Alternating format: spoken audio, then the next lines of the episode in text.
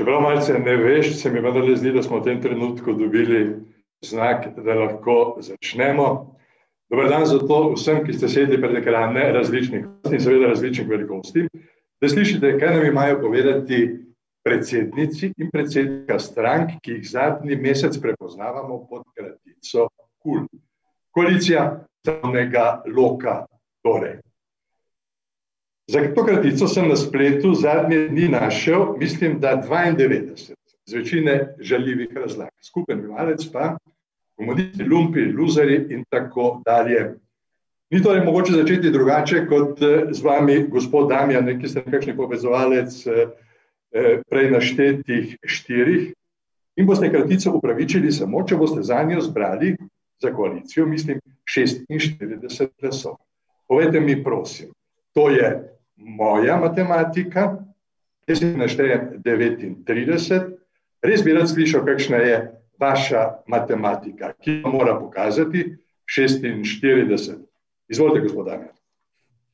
Pozdravljeni.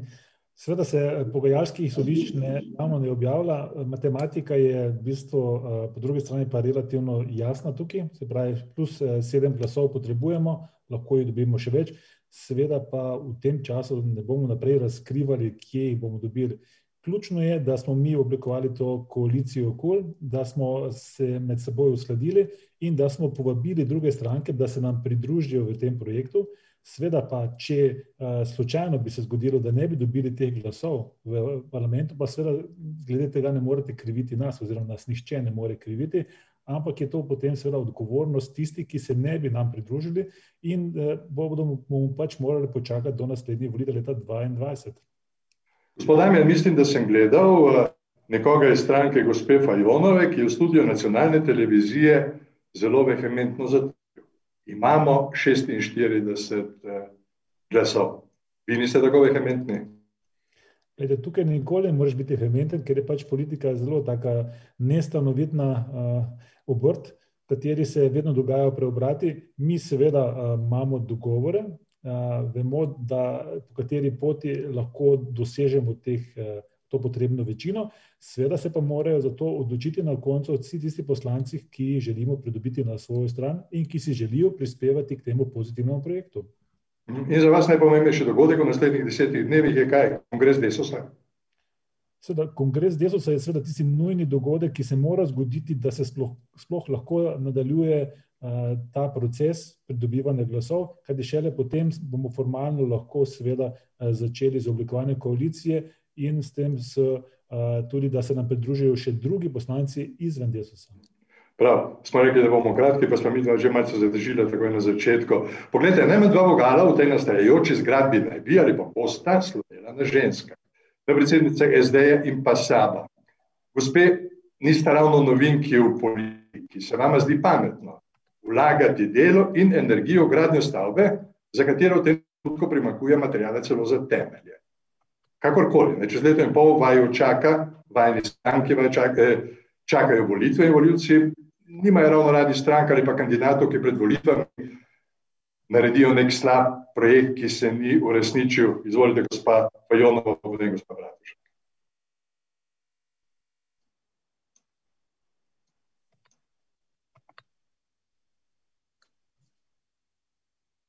Ne vem, da se vmešavam, jaz vas ne slišim. Se opravičujem, ja. Ja. Mi se res trudimo na levi sredini, da bi naredili vse za stabilizacijo Slovenije. Zdaj, če ene zgodbe ne poskusiš, nikoli ne boš vedel, kak bo rezultat, zato se mi zdi, da če govorimo o velikem projektu, kot je ta stabilizacija Slovenije oziroma zamenjava vlade, naštevali smo vrsto razlogov in verjamem, da jih bomo tudi v naslednji uri, zakaj si jo želimo. Jaz mislim, da če v resnici, če za ene zadeve ne poskusiš, v bistvu ne veš rezultata. Bomo pa za ta projekt soodgovorni vsi, nenazadnje tudi med koalicijskimi partnerji, ali si bodo želeli prevzeti odgovornost, da se postavijo na našo stran. Ja. Lep pozdrav tudi z moje strani vsem in tudi vsem tistim, ki nas gledajo in poslušajo. Veste, v tem trenutku ni časa za špekulacije, kako nam bo uspelo, nam bo uspelo, kako uspešni bomo. Jaz sem seveda prepričana, da ko nam bo uspelo, bomo uspešni javno zdravstvo, javno šolstvo, socialna država, skrb za upokojence in mlade so stvari, ki nas, tiste, ki nas danes vidite tukaj, eh, družijo. Za vse to se da skrbeti samo, pa samo v levo-sredinski eh, vladi. Tako da jaz in v SAB-u smo eh, optimistični in verjamemo, da bomo tudi po tej vladi šli uspešno na naslednje volitve leta 2022 optimizem je lepa reč, ne, še posebej v teh eh, neravno veselih časih, ampak zna biti, da bo malce premalo. Ampak kakorkoli, pogledajte, pravzaprav ste vsi skupaj z dvema strankama enkrat že poskušali složno vleči ta voz slovenske politike. Politika ni šlo prav dolgo, a ne gospod Čarec. E, tudi gospod Damjan ima, da ne mi tega zameriti, le nekaj mesecev staža v politiki, pa vas sprašujem, gospod Čarec, kaj ima gospod kar vi niste imeli. Da mu vsaj v tej fazi zaupate, da vas bo sposoben opreči tako, da boste vos vlekli vsi v isto smer. Ja, dejstvo je, da eh, nobena vlada ne razpade zato, eh, ker kdo koga ne bi maral ali bolj maral, ampak razpade zato, ker ni glasov. No, tokrat bo to drugače, kajti vemo, da bo levica tudi del vlade, Vemo, da je gospod Damjan eh, mandatar, ki je sprejemljiv za vse, in zagotovo verjamem, da je možno zdaj narediti zadevo drugače. Kajti potrebujemo, kot ste že na začetku ugotovili, 46 glasov. In verjamem, da eh, gospod Damjan, da je sprejemljiv tudi za tiste na drugi strani, ki bi se želeli pridružiti naši koaliciji. To je ta razlika. Eh, ker je neutralen. Pa bolj trdo zna zategniti to uzdo, ali kaj? No, ne gre za zategovanje ust, gre enostavno za to, da potrebujemo 46. Mi jih v naši vladi nismo imeli, na koncu smo jih imeli 42, državni svet je vedno dal veto in tako naprej. Skratka, 46 ali več glasov je tisto, kar je pogoj za delovanje vlade. Slišali smo, gospod Mesec, levica, da je bila stranka, je najprej začela nekako hajati iz te prejšnje naveze. Če zdaj poslušamo nekatere vaše poslance v parlamentu, znajo biti še vedno zelo, ne najdem primerne besede, ne, recimo svoje glavi.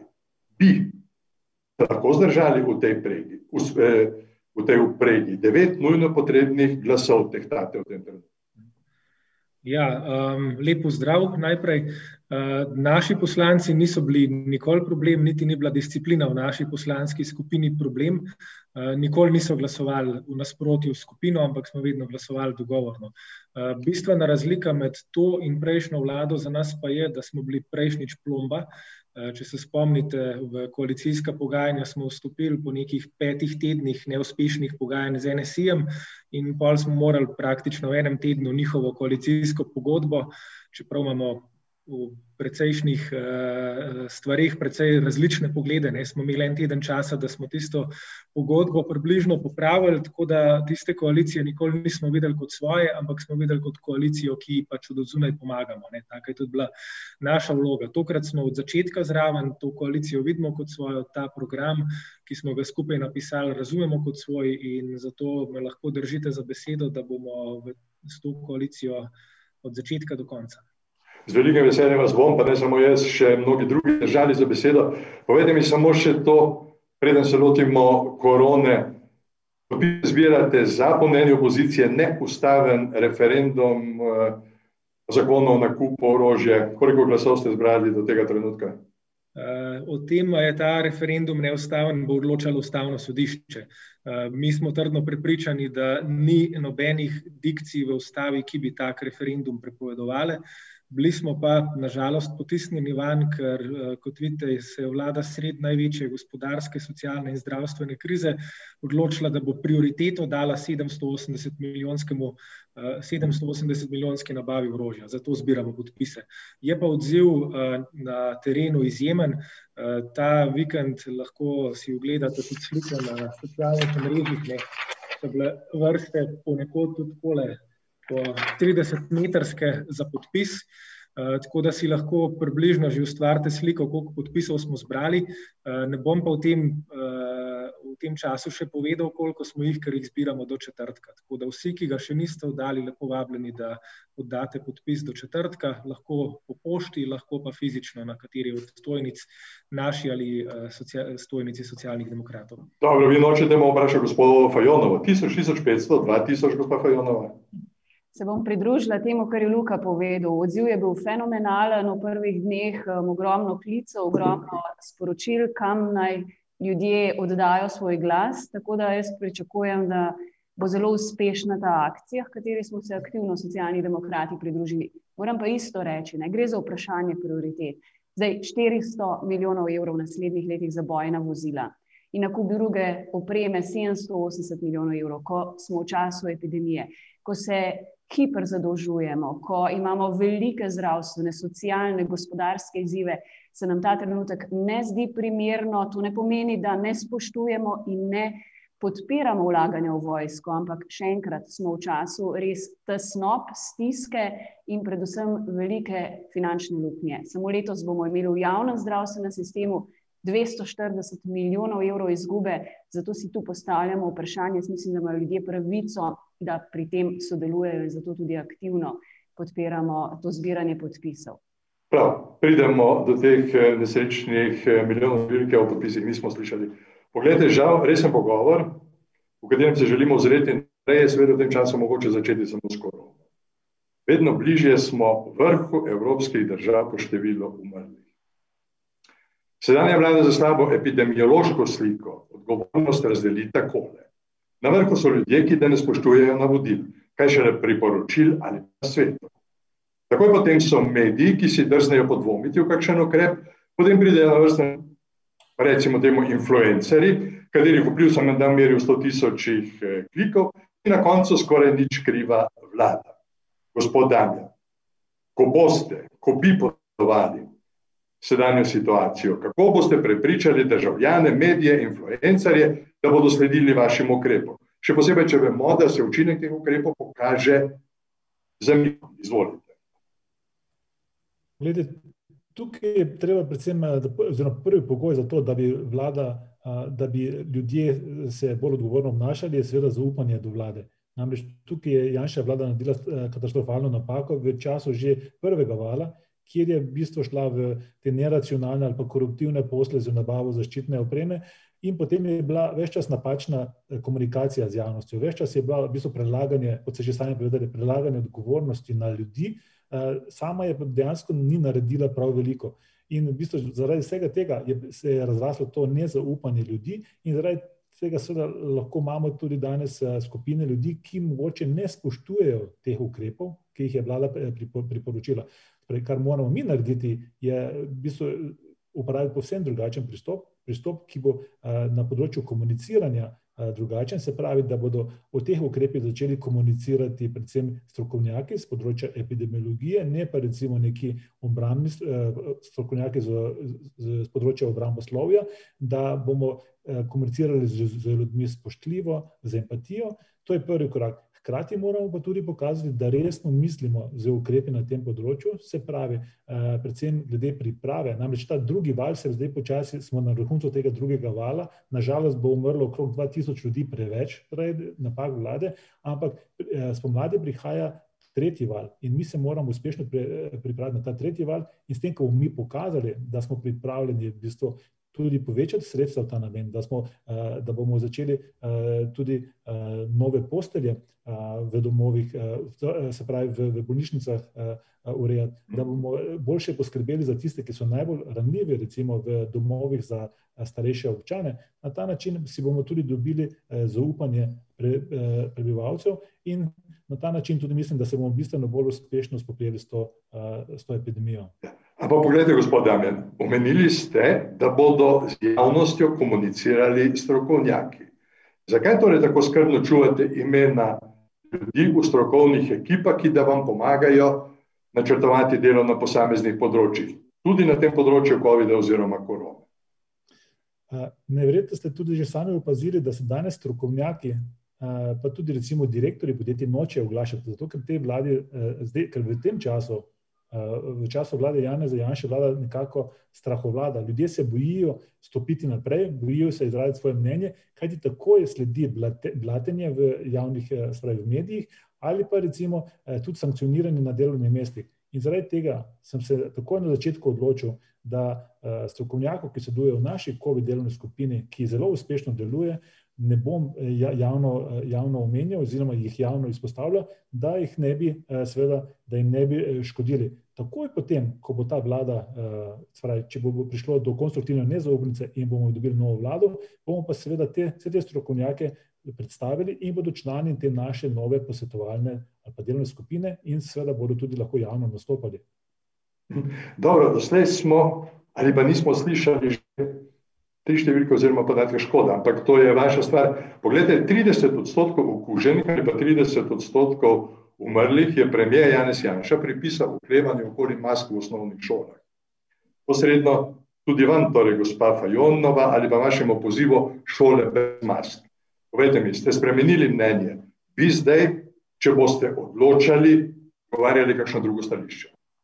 Veste, najlažje je takrat, ko ti stvari uidejo izpod rok ali ne zmoreš obvladovati epidemije, s prstom pokazati na krivca, ves čas iskati odgovornost nekje drugje. Mi nikoli nismo bili proti nošenju mask, smo pa opozarjali, če se ukrepi spreminjajo čez noč, če je zmeda, če je neusklajena komunikacija s stroko, enkrat so bile maske da, enkrat maske ne, predsednik vlade je prejšnji teden sam priznal, da je to povzročilo kar veliko škode. Tako da tu bi jaz želela povedati, da smo mi znotraj KUL našega bloka vzpostavili res dobro delovno skupino za covid, kjer se strokovnjaki pogovarjamo in predvsem smo določili prioritete, kako um, takoj povečati kapacitete. Danes vemo, da največ ljudi umre v domovih za starejše. Zakaj? Ker smo videli, da se to že je dogajalo v prvem valu, zakaj nismo več ukrepov namenili, da bi zaščitili najbolj šibke in da se nam ta zgodba še bolj izrazito danes ponavlja. Tu imamo več možnosti, kako zagotoviti pomoč domovom za starejše, kako zaščititi ranljive, kako pomagati zdravstvenim osebju, ki je močno izčrpano, bolnicam, primarnemu zdravstvu in tako naprej. Mislim, da imamo res dober nabor z našimi epidemiologi ukrepov. E, v pol stavka, gospa Fajonova, ko bodo šole ponovno odprte, maske od prvega razreda, ja ali ne? Če bo stroka tako odločila in če bodo ukrepi tako predpisani, vedno pravimo, ravnajmo odgovorno, spoštujmo ukrepe, ker bomo s tem najbolj zaščitili druge. Hvala. Gospod Mesec in gospod Šarec, malce bom zdaj obrnil situacijo. Ne. Poglejte, za trideset odstotkov manj ljudi v teh mesecih korona krize pride na pregled pljuč, recimo. V primeri, ko bi lahko šlo tudi za pljučnega raka ali kakšno drugo zelo hudo bolezen. Kaj to pomeni za številke v nekem prihodnem času ali pa za življenje, ne rabim verjetno razlagati, se vsi skupaj tega zavedamo. Razložite mi, kaj boste storili, ne prvi mesec, ampak kaj bi storili prvo uro vašega morebitnega vladanja, da se tu razmere vendarle nekako sanirajo, gospod Mesec. Um, če smem samo stavek prej, gospe Fajon, uh, v bran, uh, nekako rečno. Uh, kar se tiče mask v šoli, jih ni ukinil SD, ampak jih je, tudi če bi bilo to res, ne, da je 30% smrti več zaradi eh, nenošenja mask v šolah, jih je, je no, nenošenje mask v šolah nekje vmes pač predpisala pač ta vlada. Ne. Eh, SD ni dal tega predpisa, ampak ga je Janšova vlada sama. Um, to, mogoče še dodatno pač v, v Brantani. Um, sicer pa glede vašega vprašanja pa takole. Uh, Uh, jaz se s tem lahko samo strinjam, tudi moji uh, prijatelji, ki delajo v zdravstvu, mi govorijo grozne stvari. Mislim, zadnjič mi je uh, kolega, ki dela na onkološki, uh, rekel, da je nekdo prišel z diagnozo rak ledvic, uh, kjer bi moral on po strokovnih merilih nekje v štirih tednih priti do operacije, ampak je dobil napotnico za operacijo julija 2021 prav takrat, ko bo ta človek lahko že, že podrušil. Um, tako da zato še toliko bolj poudarjamo, da je popolnoma nezaslišano, da se v takih razmerah, ko vemo, da tudi ko kriza mine, se bodo za mnoge stvari, na čelu pač zdravstvom, pa kroničnimi obolenji, pa rakavimi obolenji in tako naprej, težave šele začele. nujno bi bilo, da na mesto tega denarja v orožje sprejmemo nek tak paket za, za zdravstvo, ker ga, ga bo nujno ukrepiti v naslednjem letu, drugače se nam bo zdravstvo sesulo, človeške žrtve in tragedije bodo pa tukaj nezaslišane. Pač to je kriza, ki jo imamo in s katero se moramo soočiti. Vem, gospod Mesec, ne, da niste zdravnik, tudi jaz nisem, ampak vendarle povejte mi recept, kako pa so zdaj upisala stanje, kako ga spremeniti. Sej pravim, eno je uh, finančno ukrepiti, drugo je, treba se bo pogovoriti, kaj narediti z dopolnilnim zdravstvenim zavarovanjem. Tukaj, če spomnim, letos samo v prvi polovici leta je 50 milijonov evrov ostalo v zavarovalnicah, na mestu, da bi uh, prišle v zdravstvo.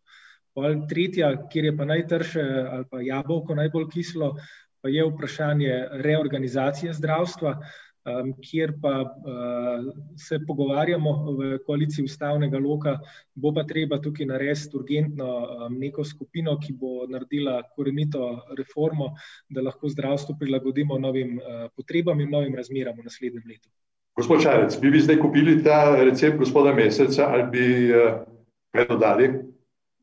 Ja, kolikor sem se ukvarjal, pa sem se veliko s tem v, v preteklem mandatu, Eh, so tudi vsi direktori bolnišnic povedali, da ključ za rešitev eh, nakupičenih problemov oziroma vsaj začetek teh reševanja teh problemov leži tudi v Zavodu za zdravstveno zavarovanje. Tudi tam eh, je problem, to je ena zadeva, potem tudi organizirati delo po bolnišnicah na ta način, da ne bo samo COVID, eh, ampak da se, da se bomo spomnili tudi na druge, ki čakajo. In pa tako, kot je rekel gospod Mesec, ukinitev dopolnilnega zdravstvenega zavarovanja, za katerega eh, je bil že predlog v državnem zboru, vendar ni bil sprejet.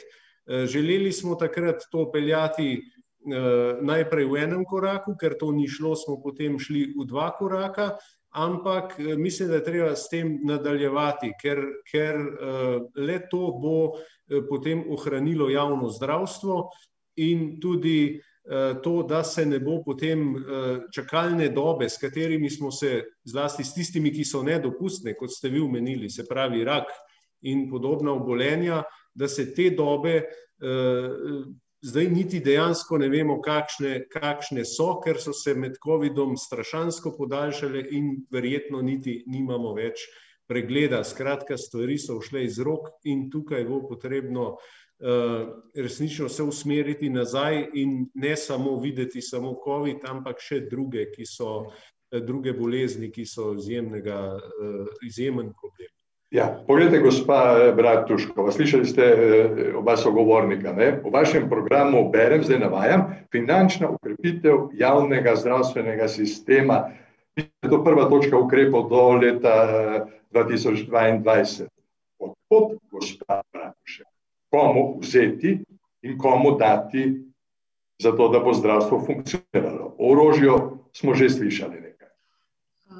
Poglejte, absolutno uh, mora biti skrb v zdravstvu, da poleg tega, kar se trudijo in vsa zahvala vsem, ki delajo na teh COVID oddelkih in se borijo za življenja ljudi, da ostali del zdravstva funkcionira čim bolj normalno. Ker uh, takoj, ko ukinjamo programe, bomo čez nekaj mesecev, nekaj let to lahko plačevali z življenji ljudi. Ne zaradi COVID-a, ampak zaradi drugih uh, bolezni. V 13 milijardah, kot je težek proračun, verjemite, da se nekaj odstotkov, ker ko govorimo o 300-400 milijonih, je to samo nekaj odstotkov tega gromozanskega proračuna in uh, verjemite, da bi jih znali uh, poiskati. Poleg uh, obrambe, če so našli 780 milijonov za obrambo, res ne samo v enem letu, ampak v večjih letih, uh, ampak je še ali pa so še stvari, ki bi se jih uh, dalo, zato da bi zdravstvo normalno funkcioniralo, uh, zmanjšati. Lahko naštejete eno, recimo, še poleg orožja, kje bi se dalo? Uh, dalo bi se tudi s kakšno reorganizacijo, zaposlujejo na veliko, odpravnin bojo imeli cel kup zaradi teh stvari. Tako da nekaj odstotkov proračuna Se pravi, govorimo o 13 milijardah, milijardah evrov, verjemite, da jih bomo našli. Prav, pogledajte, merjeno po količini sprejetih protikoronskih zakonskih eh, paketov za ohranitev delovnih mest, eh, tu je bila sedanja vlada, zdaj govorim v številu, seveda uspešna. Pogrešate, gospod Damjan, v teh šestih paketih, mislim, da kaj bistvenega. Ja, poglejte, v teh prvih šestih paketih je šlo dejansko večinoma za kopiranje tujih ukrepov, s tem, da je bilo to kopiranje v bistvu relativno počasi. Namreč slovenska vlada, slojanševa vlada je na določenih področjih v bistvu se nerodno lotila stvari, ker je recimo naredila ukrepe preveč restriktivne, kar je po drugi strani pomenilo, da je morala najprej zaprositi za spravi, priglasiti državno pomoč v Bruslju, kar je potem seveda za nekaj tednov upočasnilo stvari in zato, zato so tudi pri nas recimo določeni ukrepi začeli kasneje delovati, nekateri pa sploh niso, kot je recimo ta likvidnostna shema.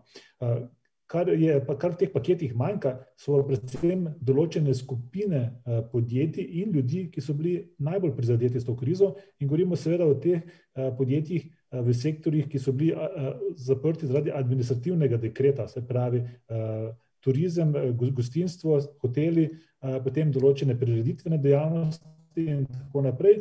In za te ljudi dejansko vlada ni poskrbela v zadovoljivi meri. Recimo tudi tisti, ki so bili poslani domov na čakanje, so dobili samo osemdeset odstotkov plačila.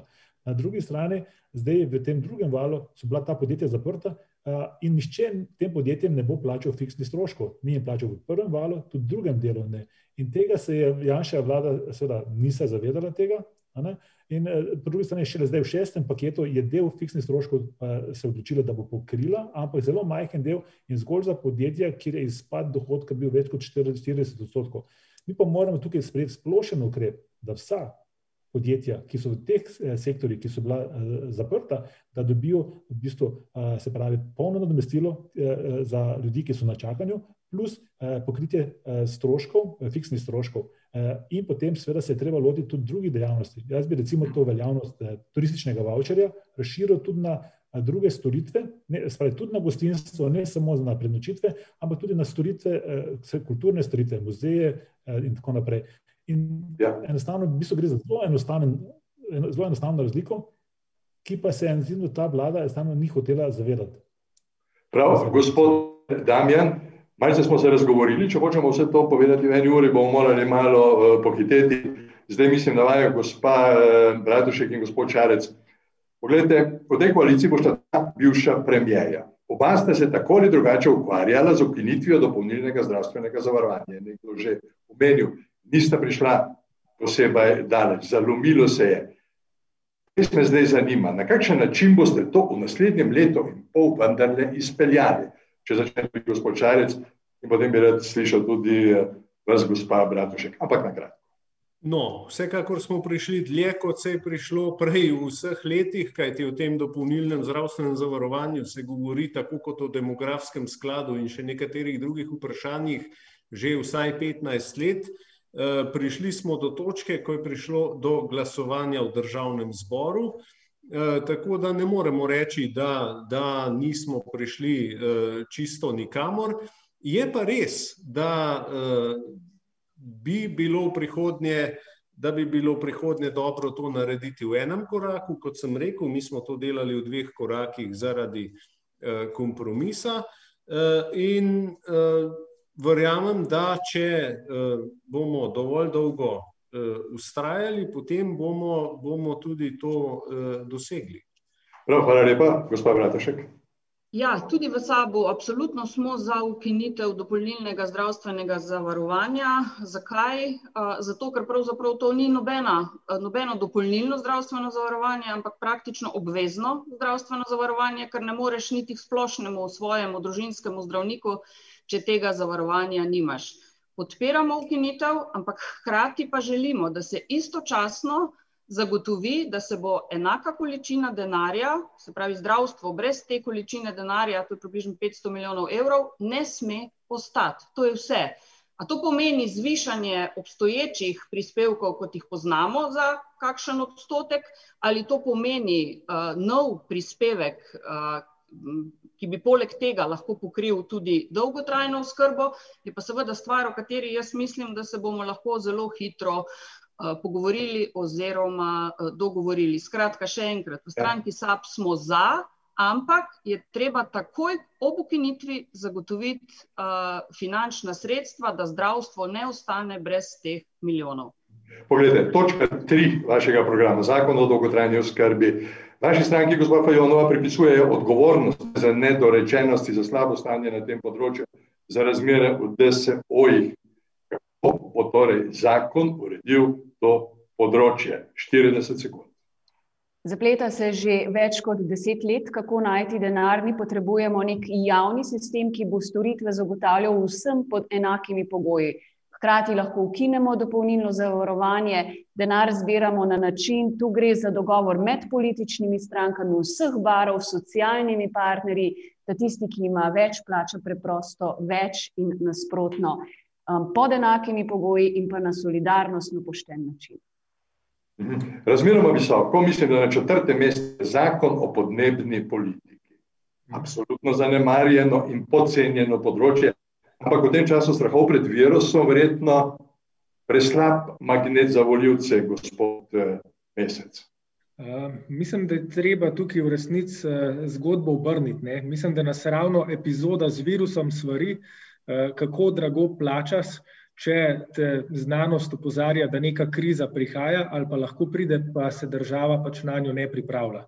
Ne, kot je gospod Fafangel v, oziroma Fafangel, mislim, da se pravilno izgovori, v Mladini ta teden opozoril, Slovenija je imela vrsto opozoril, tudi strani mednarodnih strokovnjakov, da smo izredno slabo, epidemiološko pripravljeni in zdaj pač plačujemo posledice tega, da se država ni pripravila. Pri podnebni krizi je pa stvar precej jasna, vsi znanstveni konsenz v svetu je, da je treba do leta dva tisoč trideset ogljične odtise prepoloviti, do dva tisoč petdeset pa, pa, naše emisije, izničiti oziroma postati ogljično nevtralni, če hočemo, da ostane podnebje na, na tem planetu kolikor, kolikor toliko stabilno, in jaz to vidim, ker sem star triintrideset let, kot v bistvu ključno nalogo naše generacije. Če tega ne naredimo, bomo pač mi tisti, konkretno, ne, jaz, ki sem v aktivni politiki, ki bomo odgovarjali našim zanamcem, da smo jim praktično zavozili, velik del, možnosti življenja ali pa dostojnega življenja na tem planetu. Ja. In ob katastrofalnih posledicah te sedanje koronske krize vendarle tudi ena sama dobra stvar, ne, nebo je bolj modro te dni, kot je bilo recimo leta dva tisoč devetnajst. Berem, gospod Damijan, tudi nekatere že slišane stvari v tem vašem programu. Poenostavitev poslovanja podjetij recimo, pa tablice za vse učence in dijake in tako dalje. To ob poenostavitvah berem že, verjemite mi, zadnjih trideset let ob slehernih volitvah. Sistem pa postaja vedno bolj zapleten. Naj slišim vaš recept poenostavitve. Glejte, enostavnih receptov ne boste našli, ampak, nekatere stvari so pa res zelo enostavne, recimo to, da lahko vsa podjetja plačajo davke na en dan, to je že velika zadeva. Da uporabijo en obrazec za plačilo recimo prispevkov svojih zaposlenih. To je, to je velika zadeva. Potem, da lahko vse storitve, ki jih imajo v za opraviti država, naredijo na digitalen način. To so vse stvari, ki jih lahko zelo hitro uvedemo in na ta namen tudi uporabimo recimo evropska sredstva, ki bo namenjala v tem skladu za okrevanje in odpornost veliko sredstev za digitalizacijo javne uprave, zdravstva in tako naprej. Tako da mi smo tukaj naredili že en tak predlog, seveda ga bomo pa poskušali takoj implementirati po, po tem, ko ta vlada začela delovati. Če se zdaj selim naprej po tem vašem programu, potem že na koncu druge strani, mislim, da preberem, da so štirje stebri, na katerih sloni to vaše delo. Zdravje, solidarnost, okolje in razvoj. Če je indikator tudi sedanja zdravstvena kriza, kje je solidarnost, zatajila? Zdaj sprašujem vas, gospa Bratušek, in vas, gospod Mesec. Pri starejši generaciji ali pri mladih? Ja, jaz bom rekla, da pravzaprav točno pri, teh dveh. Tako pri starejših, pri starejši generaciji, pri upokojencih kot pri mladih. Starejši, nažalost, bom rekla, tole krizo plačujejo z svojimi življenji. Prej smo rekli, da smo, mislim, da ena od najvišje rangiranih držav pri umrljivosti, jaz mislim, da nažalost kar vodimo.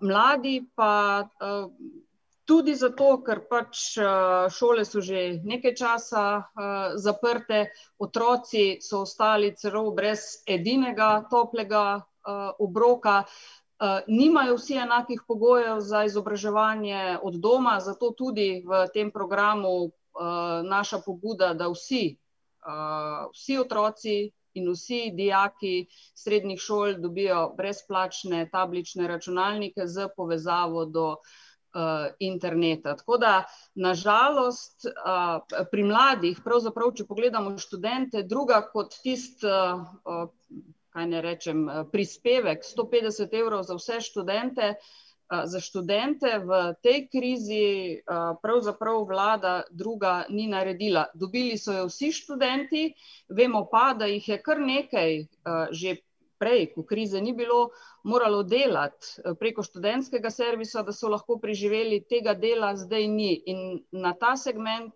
je po moje vlada na žalost pozabila. Ja, gospod Mesec, slišala sva gospo Bratuškovo, pravi oboje, eni to življenji, mladi plačujejo to z negotovo prihodnostjo. Strinjate? Ja, se lahko samo strinjam s tem, kar je Alenka rekla, zdaj starejši so žrtev tega, da so ukrepi jih slabo zaščitili, posebej tiste v domovih za starejše, kjer imamo praktično mislim epidemijo, ki ki, ki kosi dobesedno v, v stotinah življenja, na drugi strani pa zelo težko razumem, da se tako malo pogovarjamo o mladih.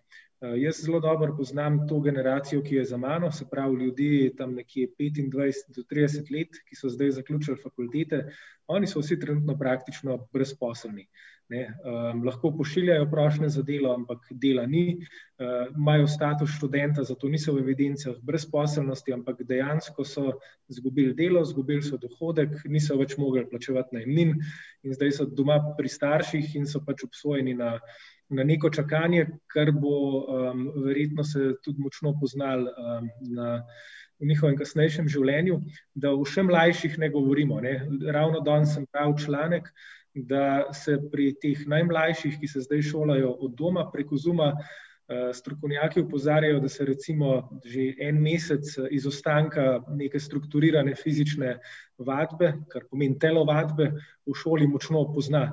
In je vprašanje, koliko recimo zdaj pač mladi, ki se, ali pa otroci, ki se šolajo od doma, so fizično aktivni in kaj bo to pomenilo. Vse, ne vem, ko so delali na Hrvaškem raziskave, kaj pomeni ustaviti šole za par mesecev takrat med vojno v devetdesetih, so ugotovili, da so generacije še dolga leta posledice tega utrpele.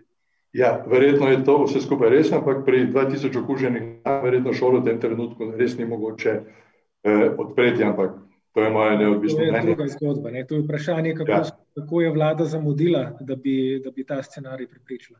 Poglej, za tisto frazo o poenostavitvi poslovanja v volilnih programih, zdaj ne mislim na vašega, ampak na tiste programe, ki jih berem zadnjih trideset let, piše, ali pa je najbolj zlorabljena beseda razvoj. Konkretno me zanima gospa Fajonova. Do kdaj boste recimo uresničili obljubo o povečanju sredstev za kulturo na dva cela pet odstotka No, mi smo se v našem programu KUL zavzeli prihodnje leto, povečanje sredstev na dva odstotka in pol za kulturo, en odstotek za znanost in raziskave, zdaj dejstvo je, da kultura in znanost se dolgoročno najbolj obrestujeta, danes je kultura v Evropski uniji peta po najbolj prizadetosti, po največji prizadetosti, v Sloveniji verjetno še večja. In zdaj župan na Dunaju je enkrat dobro rekel, to mi je ostalo v spominu, vsak evro, ki ga vložiš v kulturo, dobiš vsaj dva nazaj, v razvoj družbe, gospodarstva, turizma. Skratka, investicija v kulturo je investicija tudi v družbo. Enako velja za znanost. Ja, in zapomnili smo si v naslednjih dveh letih, je tako? Absolutno, če smem samo dodati, Luka je omenjal mlade, jaz se pogovarjam pa z ljudmi v kulturi, imam tudi brata v glasbi. Danes preprosto, vsaj tisti, ki so samo zaposleni ali kje so praktično na robu preživetja. In če ne bomo zagotovili res sredstev, jaz mislim, ta vlada je pozabila na kulturnike kot na nevladnike ali drugače misleče, bomo pozabili na naš razvoj družbe in zastavili smo si znatno povečanje sredstev. Vedete, gospod Damjan, sprašujem, Kdaj bo področje raziskav in razvoja dobilo v program napisan en odstotek BDP-ja? O tem govori, se govori že nekaj let, ampak ta zadeva je mogoče relativno enostavno narediti. Se pravi, prvič, da imamo načrt letnih povečanj, linearno povečanje sredstev, vsako leto za, za recimo ni cela ena odstotne točke BDP, In hkrati, eh, ne smemo pozabiti, mi imamo danes na voljo iz teh evropskih sredstev, teh dodatni eh, program eh, za reševanje, za, za ukrevanje in odpornost, imamo na voljo dodatnih 5,6 milijard evrov, ki jih lahko usmerimo tudi za projekte na področju raziskav in, in razvoja. In tega se enostavno ne zavedamo, ampak mi imamo eno delovno skupino, z štirimi eh, podskupinami, ki se ukvarjajo točno s tem, se pravi, prav za področjem razvoja, kjer se v bistvu eh, eh, smo identificirali projekte, katere bo Slovenija v bodoče investirala in bomo na ta način seveda javna sredstva namenili za raziskave in razvoj. Hm, okay. Kdo vodi to skupino, nam tako ali tako ne boste povedali? Ne? Celotno skupino uh, vodim jaz, e, potem seveda isto pa notri še zelo vidni člani, kot je recimo gospod Jedne Pikalo, bivši minister za, za, za visoko šolstvo in ki se tudi ukvarja s tem področjem, tako da imamo zelo kompetentno skupino. Okay. Dve imeni smo slišali. Poglejte, zdaj citiram. Če želimo biti uspešna razvojna država, potrebujemo nek dva. To sem gospod Šarec slišal reči slovenskega premijeja, mislim, da avgusta lani. Povejte mi, je zdaj že bivši premijer še nekega mnenja ali pa sem jaz pregledal ta nek dva v tem vašem sedanjem programu? Uh, ja, seveda je mnenje naše stranke še vedno enako. Namreč uh, jedrska energija uh, je zagotovo čista energija in če hočemo doseči tisti okoljske zahteve, ki, pri katerih smo tudi mi zraven, Slovenija je med ambicioznejšimi državami znotraj Evropske unije, potem bo nujno zapreti te šest in preiti na druge vire. In, in uh, tukaj se ne smemo slepiti, da, da je to kar lahko izvedljivo. Uh, Eh, bi rekel, da nekatere države v Evropski uniji, zlasti Avstrija, pa tudi Luksemburg, pa še kakšna, nasprotuje jedrski energiji, ampak hkrati pa uvažajo jedrsko energijo. Ne? Tako da recimo Avstrija jo mislim, da 23 odstotkov tam nekje uh, iz Češke uvozi. Tako da sem še vedno enakega mnenja, razen uh, če bo nekdo iznašel neko čudežno gorivo vmes, ampak mislim, da ga ne bo. In jedrska energija ta hip je za Slovenijo zagotovo opcija, kajti če hočemo ostati uh, energetsko neodvisni uh, in biti energetsko neodvisni, uh, potem je ta projekt zagotovo treba podpreti. Prav, Ker Šarec, ne bomo dosegli okoljskih zahtev. Gospod Šarec torej pravi ja, prosim vas, ostalih pet prikimajte ali pa odkimajte. Prikimati, prikimati, prikimati, gospod Mesec. Um, ne izključujemo tega, ampak uh, še ne bom prikimal. Prav. Pet strani ima do zdaj vaš program, pet podpisov je na koncu in tik pred temi podpisi en sam kratek stavek o slovenski zunanji politiki. Poglejte, mi smo se že malo utrudili običajne državljane. Ne, smo sedeli na tistem francosko-nemškem vlaku, ne, potem smo menda preveč hodili ali pa ste hodili v Rusijo, zdaj, se, zdaj smo veliki prijatelji z Mačarsko ali pa s Polsko. Povejte mi, kaj nam zdaj še ostane. Se bomo prihodnje ozirali ne vem kam, v Skandinavijo ali na trak drug kontinent, gospa Fajonova iz bruselske perspektive.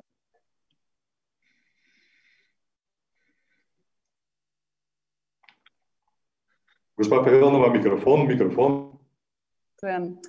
Pravim, da sem jaz tudi že malo utrujena gasiti izjave predsednika vlade, pa različne depeše um, in pisma ideološka Bruslju, voditeljem Evropske unije.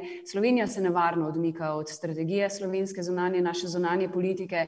To, da smo danes med zavezniki Mačarske in Polske, dveh držav, ki že leta kršita temeljne pravice, vrednote, svoboščine, demokracijo, pravno državo, nam nikakor ne sme biti vzgled, zlasti ne, ker vstopamo v obdobje, ko bomo predsedovali Evropski uniji. In jaz srčno upam, da bo naš državni zbor še enkrat potrdil, kaj je resnično strategija zunanje politike, ker to, čemu smo danes priča, eh, me močno skrbi.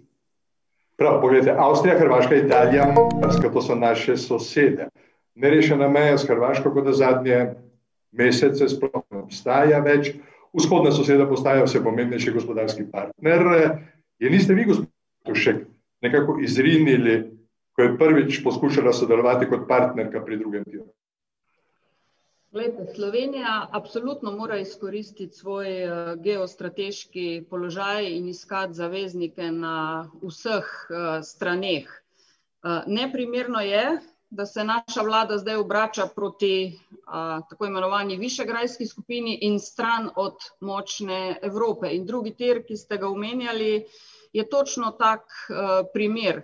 Gradimo, uh, delamo projekt, gradimo tir, ki bo stal nekaj več kot uh, eno milijardo, in ob tem tistega, ki bi ta tir najbolj napolnil, zna napolniti, to so uh, Kitajci.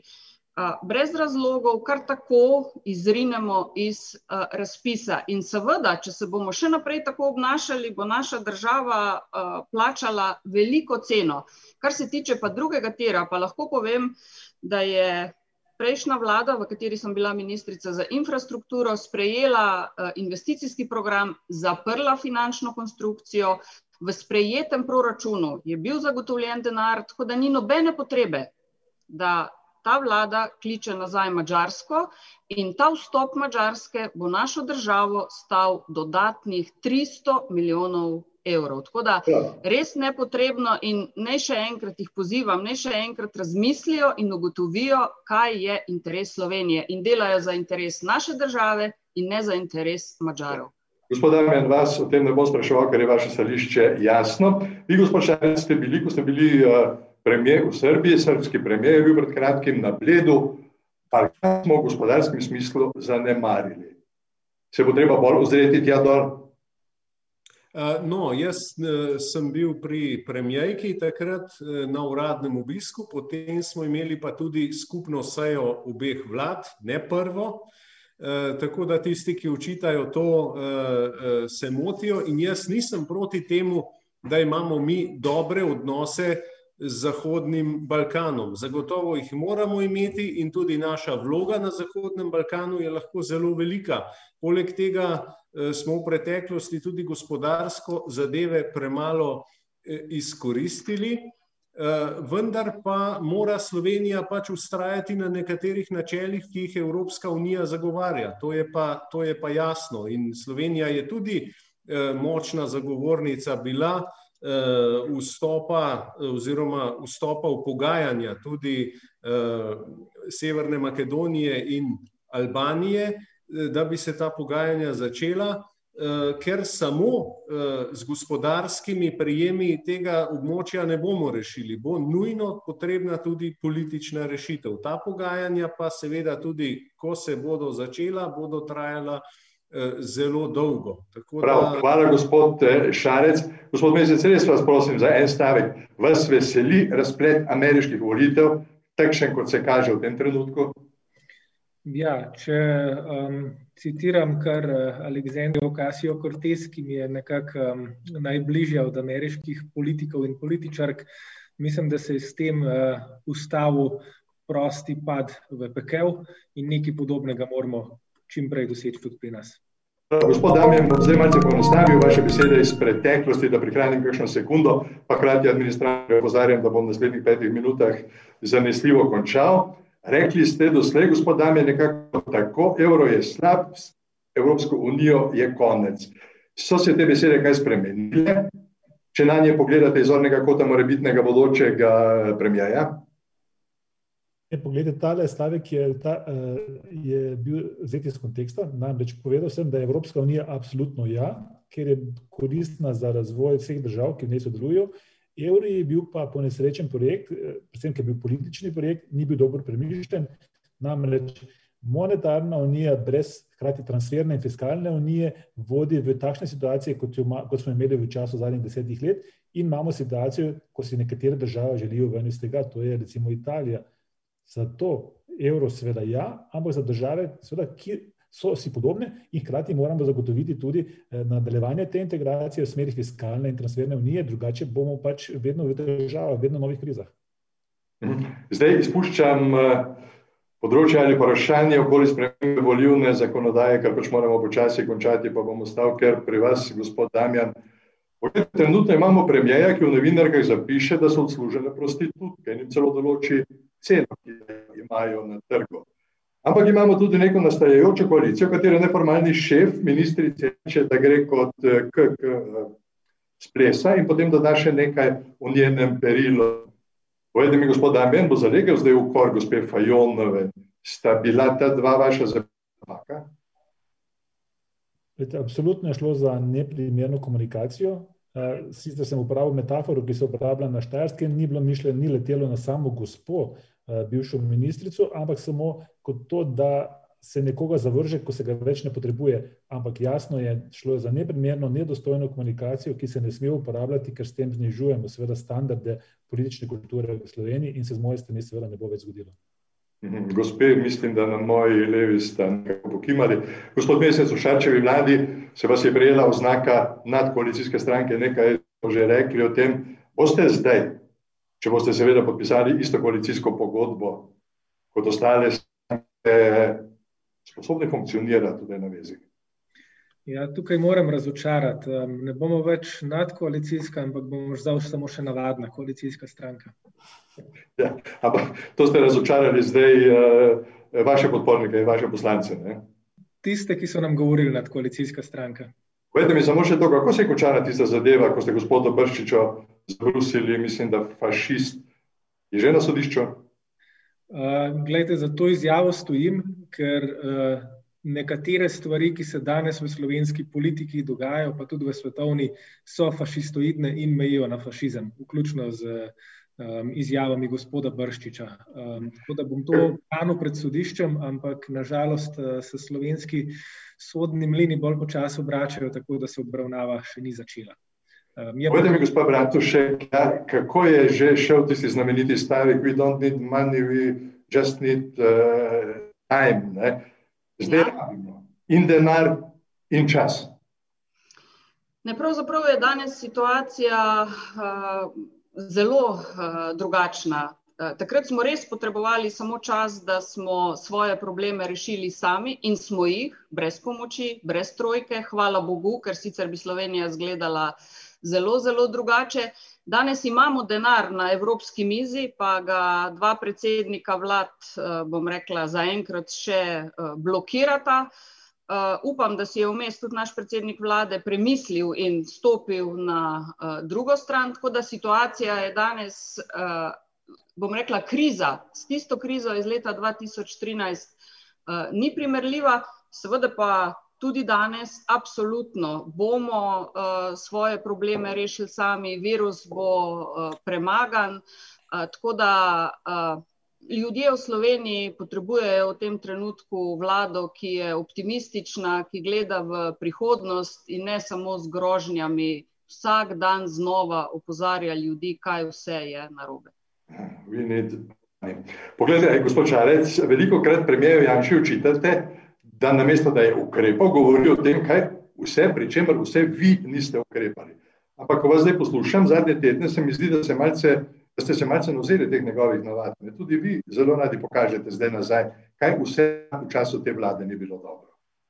Eh, ne, ne, jaz eh, samo rad pokažem, eh, kako se hitro bumerang lahko vrne in da z neko konstruktivno držo takrat v opoziciji in, in mogoče drugačnim razmišljanjem bi se dalo Slovenijo tudi drugače reševati. Ne? In gospod Janša, ko je bil v opoziciji, je imel rešitve za vse, je vse vedel, je vse znal. To pa ponavljam vsak dan zato, zato da bodo ljudje to videli in da se ne bo več zgodilo, da bo zmagal na volitvah in da ne bo noben medij več napisal, kakšen dober strateg je, ker če bi bil dober strateg, razen če ima strategijo, da pelje Slovenijo navzdol, potem bi zadeve izgledale drugače. Moj namen ni samo kazanje s prstom, jaz samo povem, da v bodoče kdorkoli bo v opoziciji, bo moral ravnati drugače. Janez Janša je bil večino časa v opoziciji, večinoma je vse rušil in tudi takrat zadnjih 14 dni naše vlade, ki je že odhajala, verjemite, ni bilo prijetno. In samo skušam pokazati, da bodo, ko bodo naslednje volitve, ljudje znali presojati, kaj nekdo govori, ko je v opoziciji in kaj potem naredi na vladi. Zato je pravilno, da bodo ljudje na naslednjih volitvah obkrožili katero izmed strank tistih, ki danes sedimo tukaj. Ja, še minuta do konca, prvih 30 sekund dobite vi, gospa Fajonova, pa potem zadnjih 30 sekund gospod Damjan. Vam namreč, gospa Fajon, očitajo, da je s 15 tisoč evri ali neko podobno vsoto menda lahko voditi stranko, ki tako ali tako dela v ukradeni vili. Ne vem, kje so našli teh 15 tisoč evrov. Vsi evropski poslanci imamo enake plače, javne, transparentne, že dolgo časa, vedno ista vprašanja. Približno um, ena tretjina zneska, ki ste ga omenili, je mesečna plača, ostalo so um, stvari, ki ne vem, kje so jih novinari našli. Mogoče pa lahko pogledajo tudi pri poslanskih kolegih z SDS-a. Hvala lepa. Poglejte, gospod Damjan, če mi da zaključimo, razumem, ne, da je nekatere reči v sedanjem trenutku treba sfinancirati na hitro. Da so delovna mesta pomembna, obstoj podjetij tudi, ampak ne glede na to, bo denar za te ukrepe za milijarde gre, ne za cente, nekoč, ko boste vlado vodili vi, ko bo vlado vodil gospod Janša ali pa kdo tretji, treba vrniti. Kako, gospod Damjan, kako? Glede, ko je vojna, se ne sprašuješ, kako jo boš financiral. To je prvo pravilo, ki ga danes podarjajo tudi Svetovni banki in Mednarodnem denarnem skladu. Dolgovi se običajno vrnejo na dva načina. Prvič z višjo gospodarsko rastjo in drugič z inflacijo. Mi bomo naredili vse, pravi, da bomo ta denar vrnili z gospodarsko rastjo. Se pravi, da bomo ta denar pametno usmerili v razvojne projekte, ki bodo povečali gospodarsko rast in s tem seveda tudi poplačali dolgove. To je zelo enostavna formula, ki jo vsi uporabljajo. A se lahko jaz zdaj bojim za moj penzion ali pa moji vnuki za štipendije in podobne reči? Le zakaj? Glejte, danes je denarja več kot dovolj, tudi ta fiskalna pravila znotraj Evropske unije so popolnoma razrahljana, še nikoli niso bila tako in nikoli morda tudi prihodnje ne bodo, ampak absolutno so danes druge prioritete in nikomur se ni treba bati, da bi karkoli izgubil. Kvečjemu bomo s tem zagotovili večjo stabilnost in razvoj na daljše časovno obdobje. Hvala lepa, še nekaj vprašanj kolegov iz drugih medijev vas čaka. Če so meni prav napisali, je prva kolegica Suzana Perman iz štiriindvajsetih ur. Izvoli, Suzana.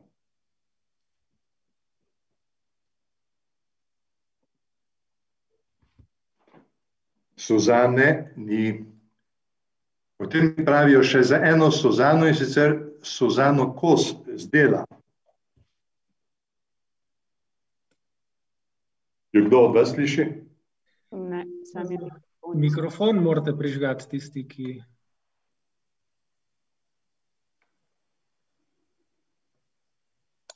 verjetno zdaj šele prihajajo v sliko. Ja, zdaj dve gospe oziroma gospodični vidim, bom poskušal še enkrat. Najprej Suzana Perman iz štiriindvajsetih ur. Izvolite, beseda je vaša. okej, jaz imam vprašanje za gospoda Jožeta Podamjana. pred dnevi so nekateri mediji na veliko govorili o tem, kako da ste rekli, da imate šestinštirideset zagotovljenih glasov za konstruktivno nezaupnico. Danes vidimo, da je situacija očitno precej drugačna. Ali lahko poveste, kako pomemben, kako pomembno vam je to, da na vrh Desusa pride gospod Karel Erjavec, ste že z njim dogovorjeni, da bo poskušal poslance prepričati v to, da dajo svoje glasove za konstruktivno nezaupnico? in pa za gospoda Mesca me zanima, praktično kolegica pripravlja prispevek na to temo, pri zbiranju podpisov proti tem sedemsto in nekaj več milijonov za domnevno orožje, naj bi prišlo do, bom rekla, nespoštovanja ukrepov tistih, ki dejansko želijo dati svoj podpis. Gospod Mesec se je pohvalil, da so bile tudi več kot trideset metrov dolge vrste. Mi imamo fotografije, kjer se ljudje niso teh ukrepov držali, bili so preveč skupaj, nekateri pa tudi niso nosili mask. Hvala lepa za oba odgovora. Če dovolite, gospa Perman, moje stališče in stališče vseh mojih koalicijskih partnerjev je vedno enako, se pravi, mi nikoli nismo rekli, da imamo zagotovljenih šestinštirideset glasov, ampak da delamo na tem in da gradimo te odnose. In druga stvar, do, do, do tega, se pravi, da do konstruktivne nezaupnice bo prišlo v trenutku, ko se bosta najmanj dve stranki odločili, da se skupaj pridružite, da pridružita v parlamentu, v državnem zboru in podpreta konstruktivno nezaupnico. In to se bo seveda lahko zgodilo šele po kongresu stranke Desus. Gospod Mesec. Ja, zdaj kot prvo, orožje ni domnevno, ki ga kupujejo, ampak je kar resnično. Drugo, glede nespoštovanja ukrepov, sam sem bil na več stojnicah po Ljubljani, naših, moram reči, da so se ljudje držali ukrepov. Videl sem eno sliko, mislim, da je bila ena sama, ki sem jo videl na socialnih omrežjih, ko so bili ljudje pač preveč nagužvani, ampak to je tako, tudi pred Ribarnico boste verjetno tako sliko našli ali pa pred pošto ali pa kjerkoli, kjer so trenutno kolone zaradi posamičnega vstopanja. So pa imeli naši koordinatorji in imajo še vedno striktna navodila, da če to zaznajo, ljudje, ljudi opozorijo. tam, kjer sem bil jaz na stojnicah, vam lahko zagotovim, da so si vsak pred podpisom razkužil roke, da so socialno distanco spoštovali, da se ni nihče zadrževal na štantih in tako naprej, skratka, sledili smo vsem ukrepom, ki so predpisani. tukaj moram reči, da s pomembno razliko recimo od predstavnikov vlade, ta teden so recimo, ta vikend so našli kar govorca vlade za covid, Jelka Kacina, kako se je brez maske odpravil na tek. Prav, hvala lepa. Gospa Suzana, številka dva. Dve. Ja, Miha Orešnik iz Sveta na kanalu A. Dober dan. Pozdravljeni vsi skupaj, pa bi kar nadaljeval morda tam, kjer je kolegica prej zaključila z vprašanjem gospodu Damjanu. Pravite, da niste rekli, da imate dovolj glasov, ampak tukaj dobeseden citat tega, kar ste izjavili za Mladino, citiram: "Potrebno večino, dovolj poslancev, ki bi zamenjali koalicijo, imamo." Torej, samo ta večina ni na vaši strani, ali kako potem razumemo to vašo izjavo, ker pravite pač, da nikoli niste izjavili, da, da to imate? Hvala. Jaz ne morem na uredniško politiko Mladine seveda ne morem vplivati, lahko povem, da imamo seveda podporo poslancev, ki pa seveda morajo tudi ob, ko bo glasovanje o konstruktivni nezaupnici, seveda morajo seveda tudi ustrezno glasovati in takrat se bo vedelo, a ne, a je teh šestinštirideset glasov ali ne. Samo podvprašanje, boste šli v vložitev konstruktivne nezaupnice samo z zadostnim številom podpisov pod kandidaturo ali boste morda tvegali in vložili s kakšnim glasom manj pa potem računali, da se na glasovanju kdo opogumi? Ki je seveda tajno glasovanje, ne. v vložitev postopka za konstruktivno nezaupnico bomo šli samo takrat, ko bomo imeli zagotovljenih šestinštirideset glasov. Hvala lepa, kolegica Metka Majer, Televizija Slovenija. Ja, lep pozdrav, v bistvu je vprašanje, ki sledi vsemu temu, a pa lahko morda napoveste, gospod Mesec je natanko pred tednom dni dejal, da bo ta konstruktivna nezaupnica vložena v kratkem, torej zdaj razumem, da se čaka na izide kongresa Desusa, ampak ali lahko rečemo, ne vem, da računate, da bo to storjeno do, do konca leta recimo? To je vprašanje za koga? Za kogarkoli, lahko tudi za vas, za gospoda gospod Mesec je pač to pred tednom dni dejal. jaz bom kar ostal pri tej izjavi izpred enega tedna. Jaz lahko samo dodam temu, seveda, da če upoštevamo vse roke, ki tečejo s tem kongresom Desusa, se zadeva lahko zgodi šele tam okrog desetega, petnajstega decembra najprej. Seveda računamo, da bomo seveda to zadevo upravili do božiča, če bo seveda vse posebej. Hvala lepa, še enkrat poskušam z gospod Suzano Kos iz dela. Ja, se slišimo. Seveda. Slišimo. Uh, jaz bi vas rada prosila za uh, odgovor prvake strank, da ne. Uh, ne mi razlagati uh, poenoteni smo glede JPD in to. Uh, in gospoda Jodota Podamjana uh, zastavila pod vprašanja.